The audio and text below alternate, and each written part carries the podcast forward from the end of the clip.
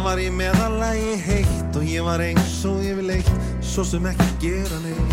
Hann var ekki að gera neitt. Gera neitt. Áskyndilega fóru hjá með miklum drunum svo með brá Stórar vélar einn var þrjár með vaska drengi aftan á Þeir voru nokkrir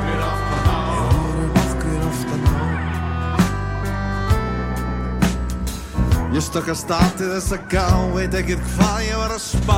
Hvort vinnu væri þeir að fá Svarið var einfalt, það var já. Hann þeir vinnu segi sig já. Og fljótlega það komu vöru bíladir Og malbyggi þar auka og allir strákadir þeir gripur skó. Ég fann frelsið upp á malbygguna ég Með vind í hárinu og með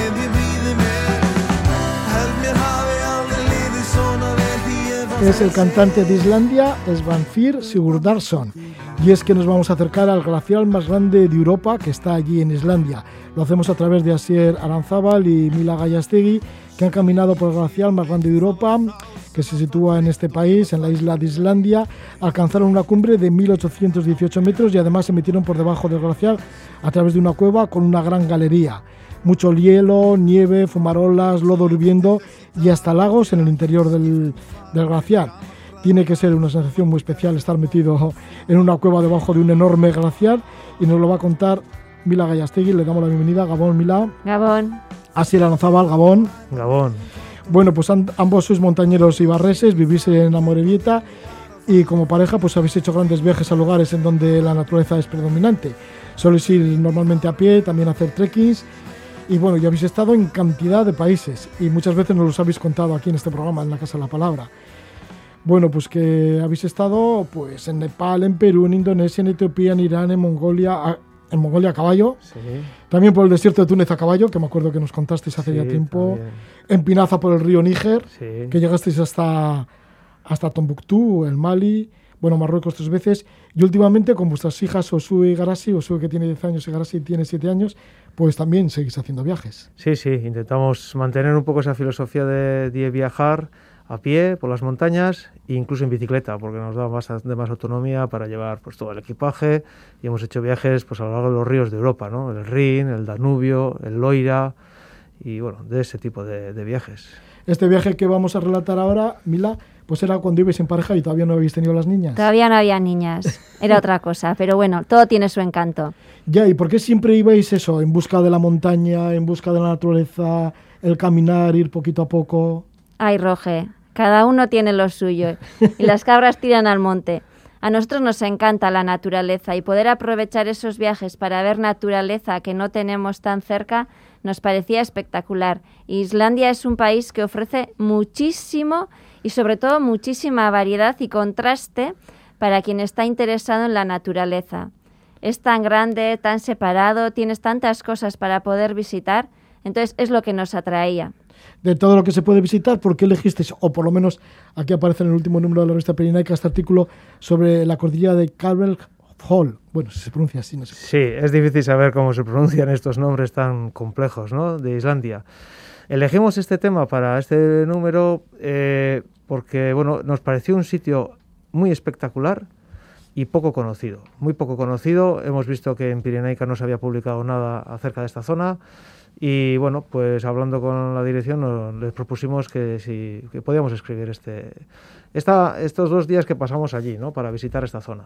Sí, porque además tiene muchas vertientes, porque está la cavidad que está debajo del glaciar, está el mismo glaciar, Eso es. y luego los lagos del glaciar. Sí, la zona es una cordillera, cordillera Bergholt, que se sitúa en el extremo norte del glaciar Barnayokul, que es el más grande de toda Europa.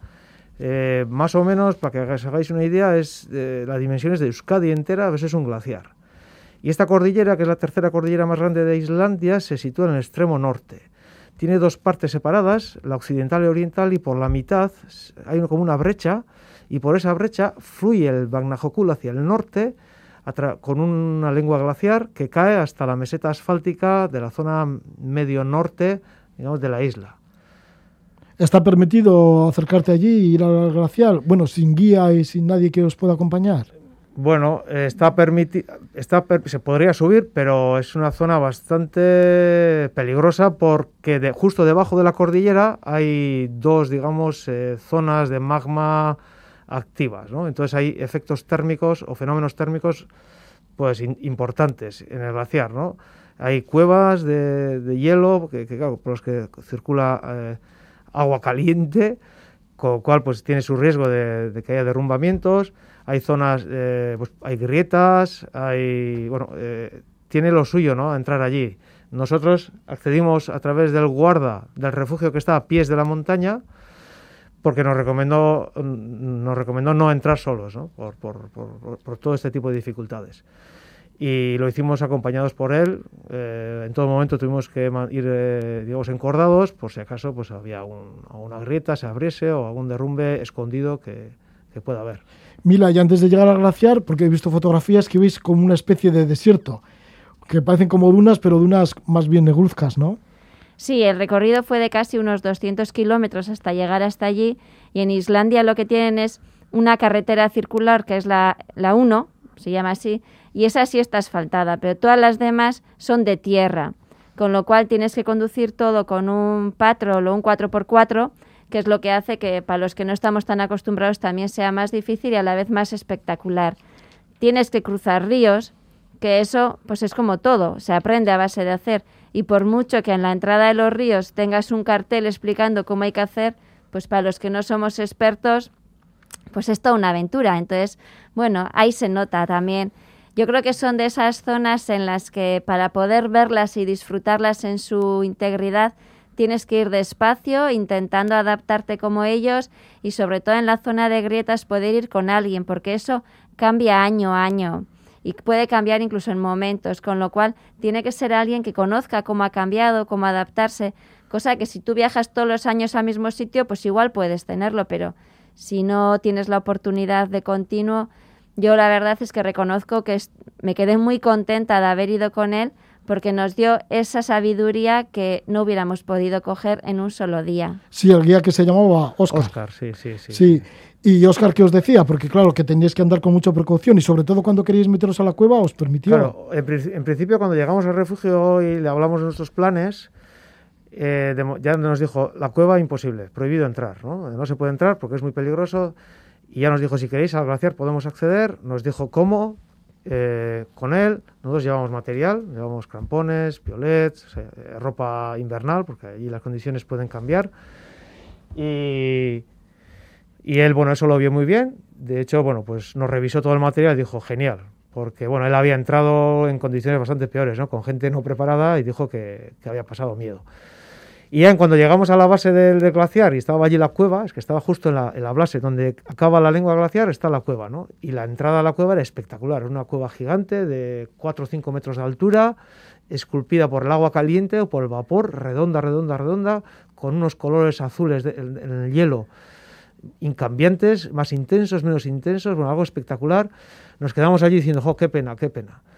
Y de repente, pues dijo, venga, vamos rápido y allí nos fuimos detrás de él corriendo. Ya ves que no protestamos en ni un segundo, ¿eh? En saqué, que sí, ¡fium! Saqué la cámara y empezamos a fotografiarla por dentro.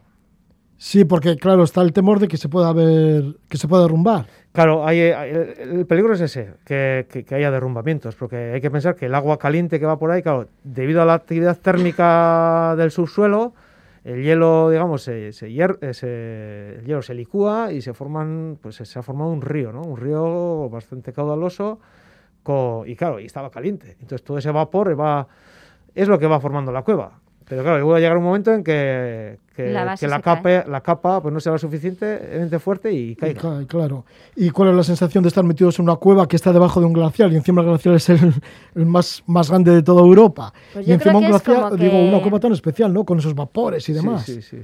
Yo creo que es que la naturaleza te invade y te quedas ahí callando, callando, observándolo todo porque dices, no voy a poder venir aquí todos los días, con lo cual me tengo que llevar todo esto. Puede ser que vaya en la cámara de fotos, pero incluso si no va, mis ojos lo tienen que llevar todo. Y esa intensidad de colores azules tan cambiantes no los puedes vivir. Con lo cual es estar allí, cerrar los ojos y ver, o sea, cerrar cuando piensas, ¿no? Pero ir captando todo, aprovecharlo todo. Sí, porque mismo- sabías que tenías el tiempo contado también. Sí, porque además es que de vez en cuando oíamos algún crujido. Sí, Y bueno, llegamos hasta una zona donde sí había habido un derrumbe y pudimos ver la magnitud de lo que puede ser un derrumbe. Es decir, uf, pues bueno, Que no es broma. que no es broma. Y nada, pues... Un Para afuera. Un ratito y para afuera, claro. hombre, Oscar sí nos demostró que era un tío serio, responsable y nos daba esa sensación de nos podemos fiar mucho de él. Cosa súper importante en cualquier guía. Así que bueno, esa, esa experiencia dentro del glaciar, en la cueva del glaciar, y luego ya arriba. Y arriba, Sí. ¿cómo lo hicisteis? Porque también tenéis unas fotografías preciosas, ¿no?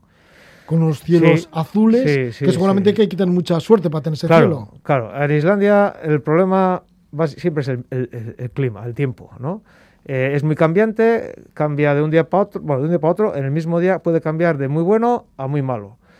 Y apostamos pues unas fechas porque creímos que iba a hacer bueno, el día que salimos, que fue de acercamiento, empezó un día maravilloso, acabó siendo un, bueno, un día terriblemente malo, ¿no? De viento y lluvia. Y el día, bueno, llegamos al refugio, planificamos la salida para el día siguiente sin garantías de que hiciese muy bueno. Y salió un día espectacular, pero espectacular, algo que, bueno, ni es que una lotería. Y bueno, pues nos calzamos los crampones allí eh, al salir de la cueva, nos metimos en el hielo y piqui piqui para arriba. Al principio estaba pues un poco sucio, ¿no? Por las piedras que lleva, las, había bastantes grietas.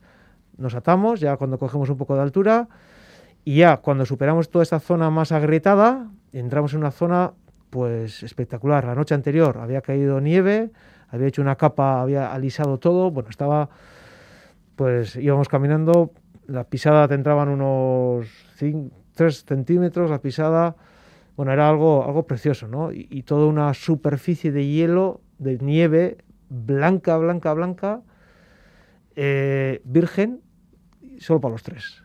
Roge, imagínate, a Sier lo que le gusta la cámara de fotos y la naturaleza. Un paisaje espectacular.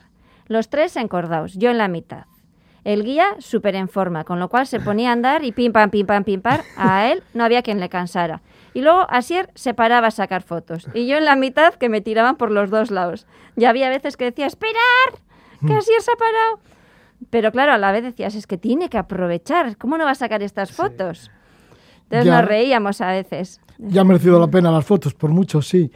Y luego hasta dónde se llega, porque al final alcanzasteis alguna cumbre y todo, ¿no? Sí, bueno, pasamos por una zona que había mucha actividad eh, volcánica o térmica, no sé si llamarle, bueno, sí, volcánica y térmica, ¿no? Donde en el propio glaciar afloran fumarolas, eh, se ven lodos, claro, sale, hay algo de tierra porque se ha fundido la nieve, eh, hay, hay charcos del lodo ahí hirviendo, sobre todo muchas fumarolas. Y después llegamos hasta un lago, como un ibón, en la mitad del glaciar, eh, con unas paredes verticales de hielo de unos 50 metros. El, glaciar, el lago tendría unos 300 metros de, ancho o, circular, más o menos. Algo espectacular. Y de allí seguimos subiendo más, más, más, más, hasta el corte donde se divide el occidental y oriental y por donde cae la lengua glaciar, ¿verdad? Y ahí alcanzamos la cumbre Berg, Vestari Berg le llaman, ¿no? De unos 1818 metros. Eh, bueno, allí no hay ninguna indicación de que es una cumbre, ¿no? Es el punto más alto al que llegamos. Supimos del nombre del punto después al mirar los mapas, claro. Creíamos que la cumbre se llamaba Bergholm. Luego descubrimos que no, que la cordillera era Bergholm y que hay varias cumbres. No es la más alta. La más alta está es está en la parte oriental, pero es súper difícil acceder, porque hace falta dos días. Y esa que tiene 1944 sí, metros. Algo así, sí, 1900 y pico. Y acceder a ella requiere dos días porque hay que pasar toda la zona, digamos, agrietada por donde cae la lengua glaciar y eso pues ralentiza mucho el ritmo. Y claro, tener la fortuna de dos días buenos, pues... Oscar nos dijo que muy poca gente lo conseguía. Bueno, por lo menos, por lo menos estuvisteis en esa cumbre de 1818 metros, que seguramente que tiene que ser un logro, digo, el logro de todo lo bello que tiene que ser llegar hasta allí, porque de forma, los tres de forma aislada en un lugar, en un glaciar y las vistas que tiene que haber desde allá arriba, ¿no? Sí, sí. Yo creo que el, el logro fue el poder acceder allí y, y- y ver aquello con el día que tuvimos. Fue un día de regalo. verlo, ver aquello, porque Y- es que una un zona en la que hace de muy poca gente, muy poca gente, es muy poco conocido. Sí, que hay un contraste, digo, en las observaciones, en las vistas desde arriba, entre el blanco del glaciar y luego lo que puedes encontrar abajo, ¿no? En la meseta, que será Sí. como todo de volcánico y así. Sí, todo negro, claro, tú ves, miras hacia un lado, miras hacia el sur y es todo blanco, 100 kilómetros hacia el sur o 150 kilómetros hacia el sur, que es eh, todo el glaciar de Panayukul. Miras hacia el norte y ves justo debajo tuyo va cayendo la lengua glaciar y ves toda la meseta basáltica que habíamos cruzado en coche. Es un espe- y luego ves a un lado y al otro otras lenguas glaciares que van cayendo del Banajokul, porque van cayendo una y otra detrás de otra, ¿no? Van, es algo... Y al final, ¿cómo bajasteis de aquello? ¿Cómo descendisteis el glaciar y de este pico? Pues allí, justo donde, donde hicimos el pico, eh, más o menos cerca, estaba el corte y de allí, sin, sin- bueno, cerca del corte, pues ya volvimos a, volvimos a coger, digamos, la lengua glaciar, un poquito más abajo, donde ya no había tantas grietas, y poco a poco fuimos bajando eh, hasta, hasta, hasta el pie de- del glaciar, para luego ir, para volver al refugio, eh, bueno, pues otra, otra hora y pico que nos llevó al final todo el día 14 horas de caminata. Sí, vuestro guía, vuestro guarda, el guarda del glaciar, Oscar parece que también estuvo un poco apurado porque tenía también mensajes de que podía haber mm, habido alguna alarma o alguien que estaba... Sí, a Oscar le llamó su compañero, estaban dos compañeros en el refugio y al otro compañero le llamaron para hacer un rescate en otra montaña. Parece ser que había habido una persona pues que había tenido un ataque y bueno, pues había que ir a rescatarle. Al principio pensamos que habría que volver rápido, pero bueno, inicialmente se fue alargando, disfrutamos todo el día y ya cuando fuimos llegando al refugio, pues Oscar vio que había muchísimos turistas, que su compañero no había podido bajar todo lo rápido que quería del rescate.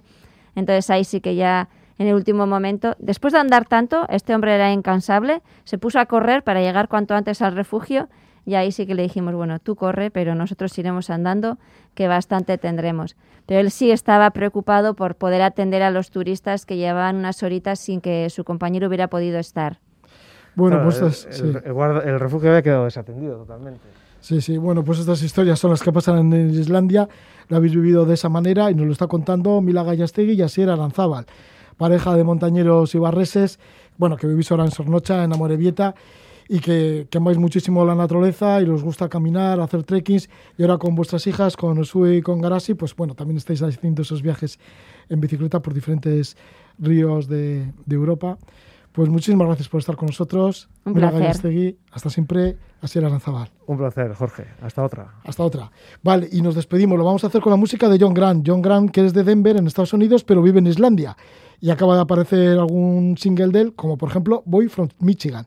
Con esta canción de John Grant nos despedimos. Que vaya bien la noche.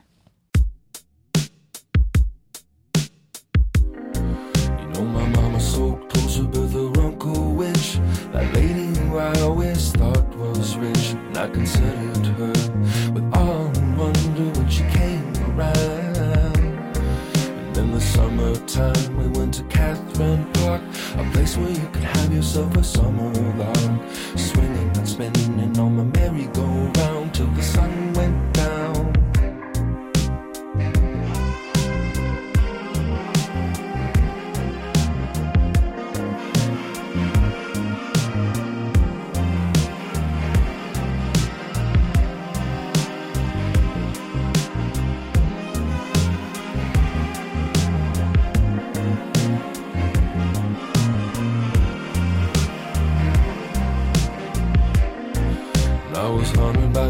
stories about Connie's car.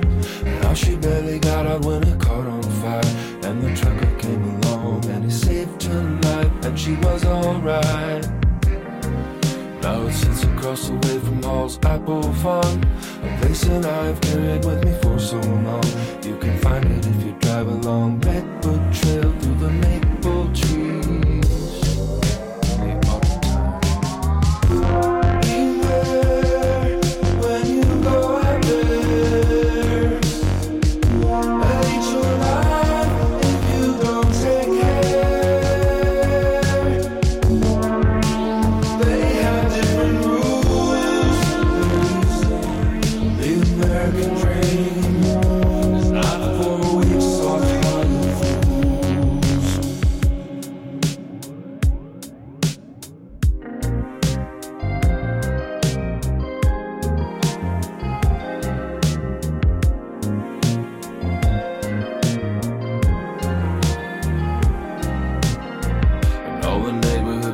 they got them permanent waves. And we walked through the cemetery looking at all the graves. To Thompson's Market for candy and pop, we did it almost every day.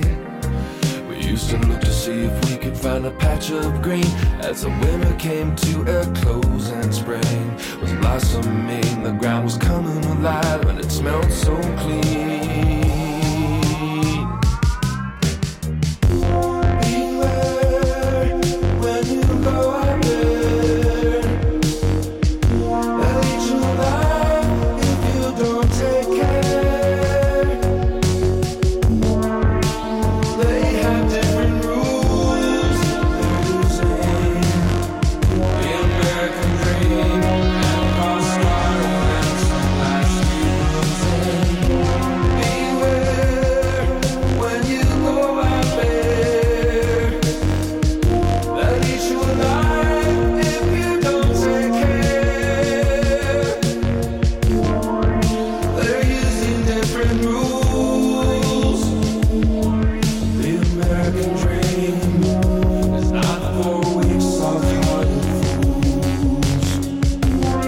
Scotty said softly, with some sadness in his voice.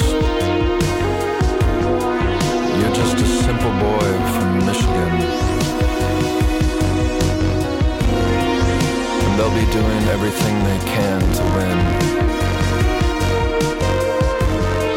So please, please don't ever let your guard down.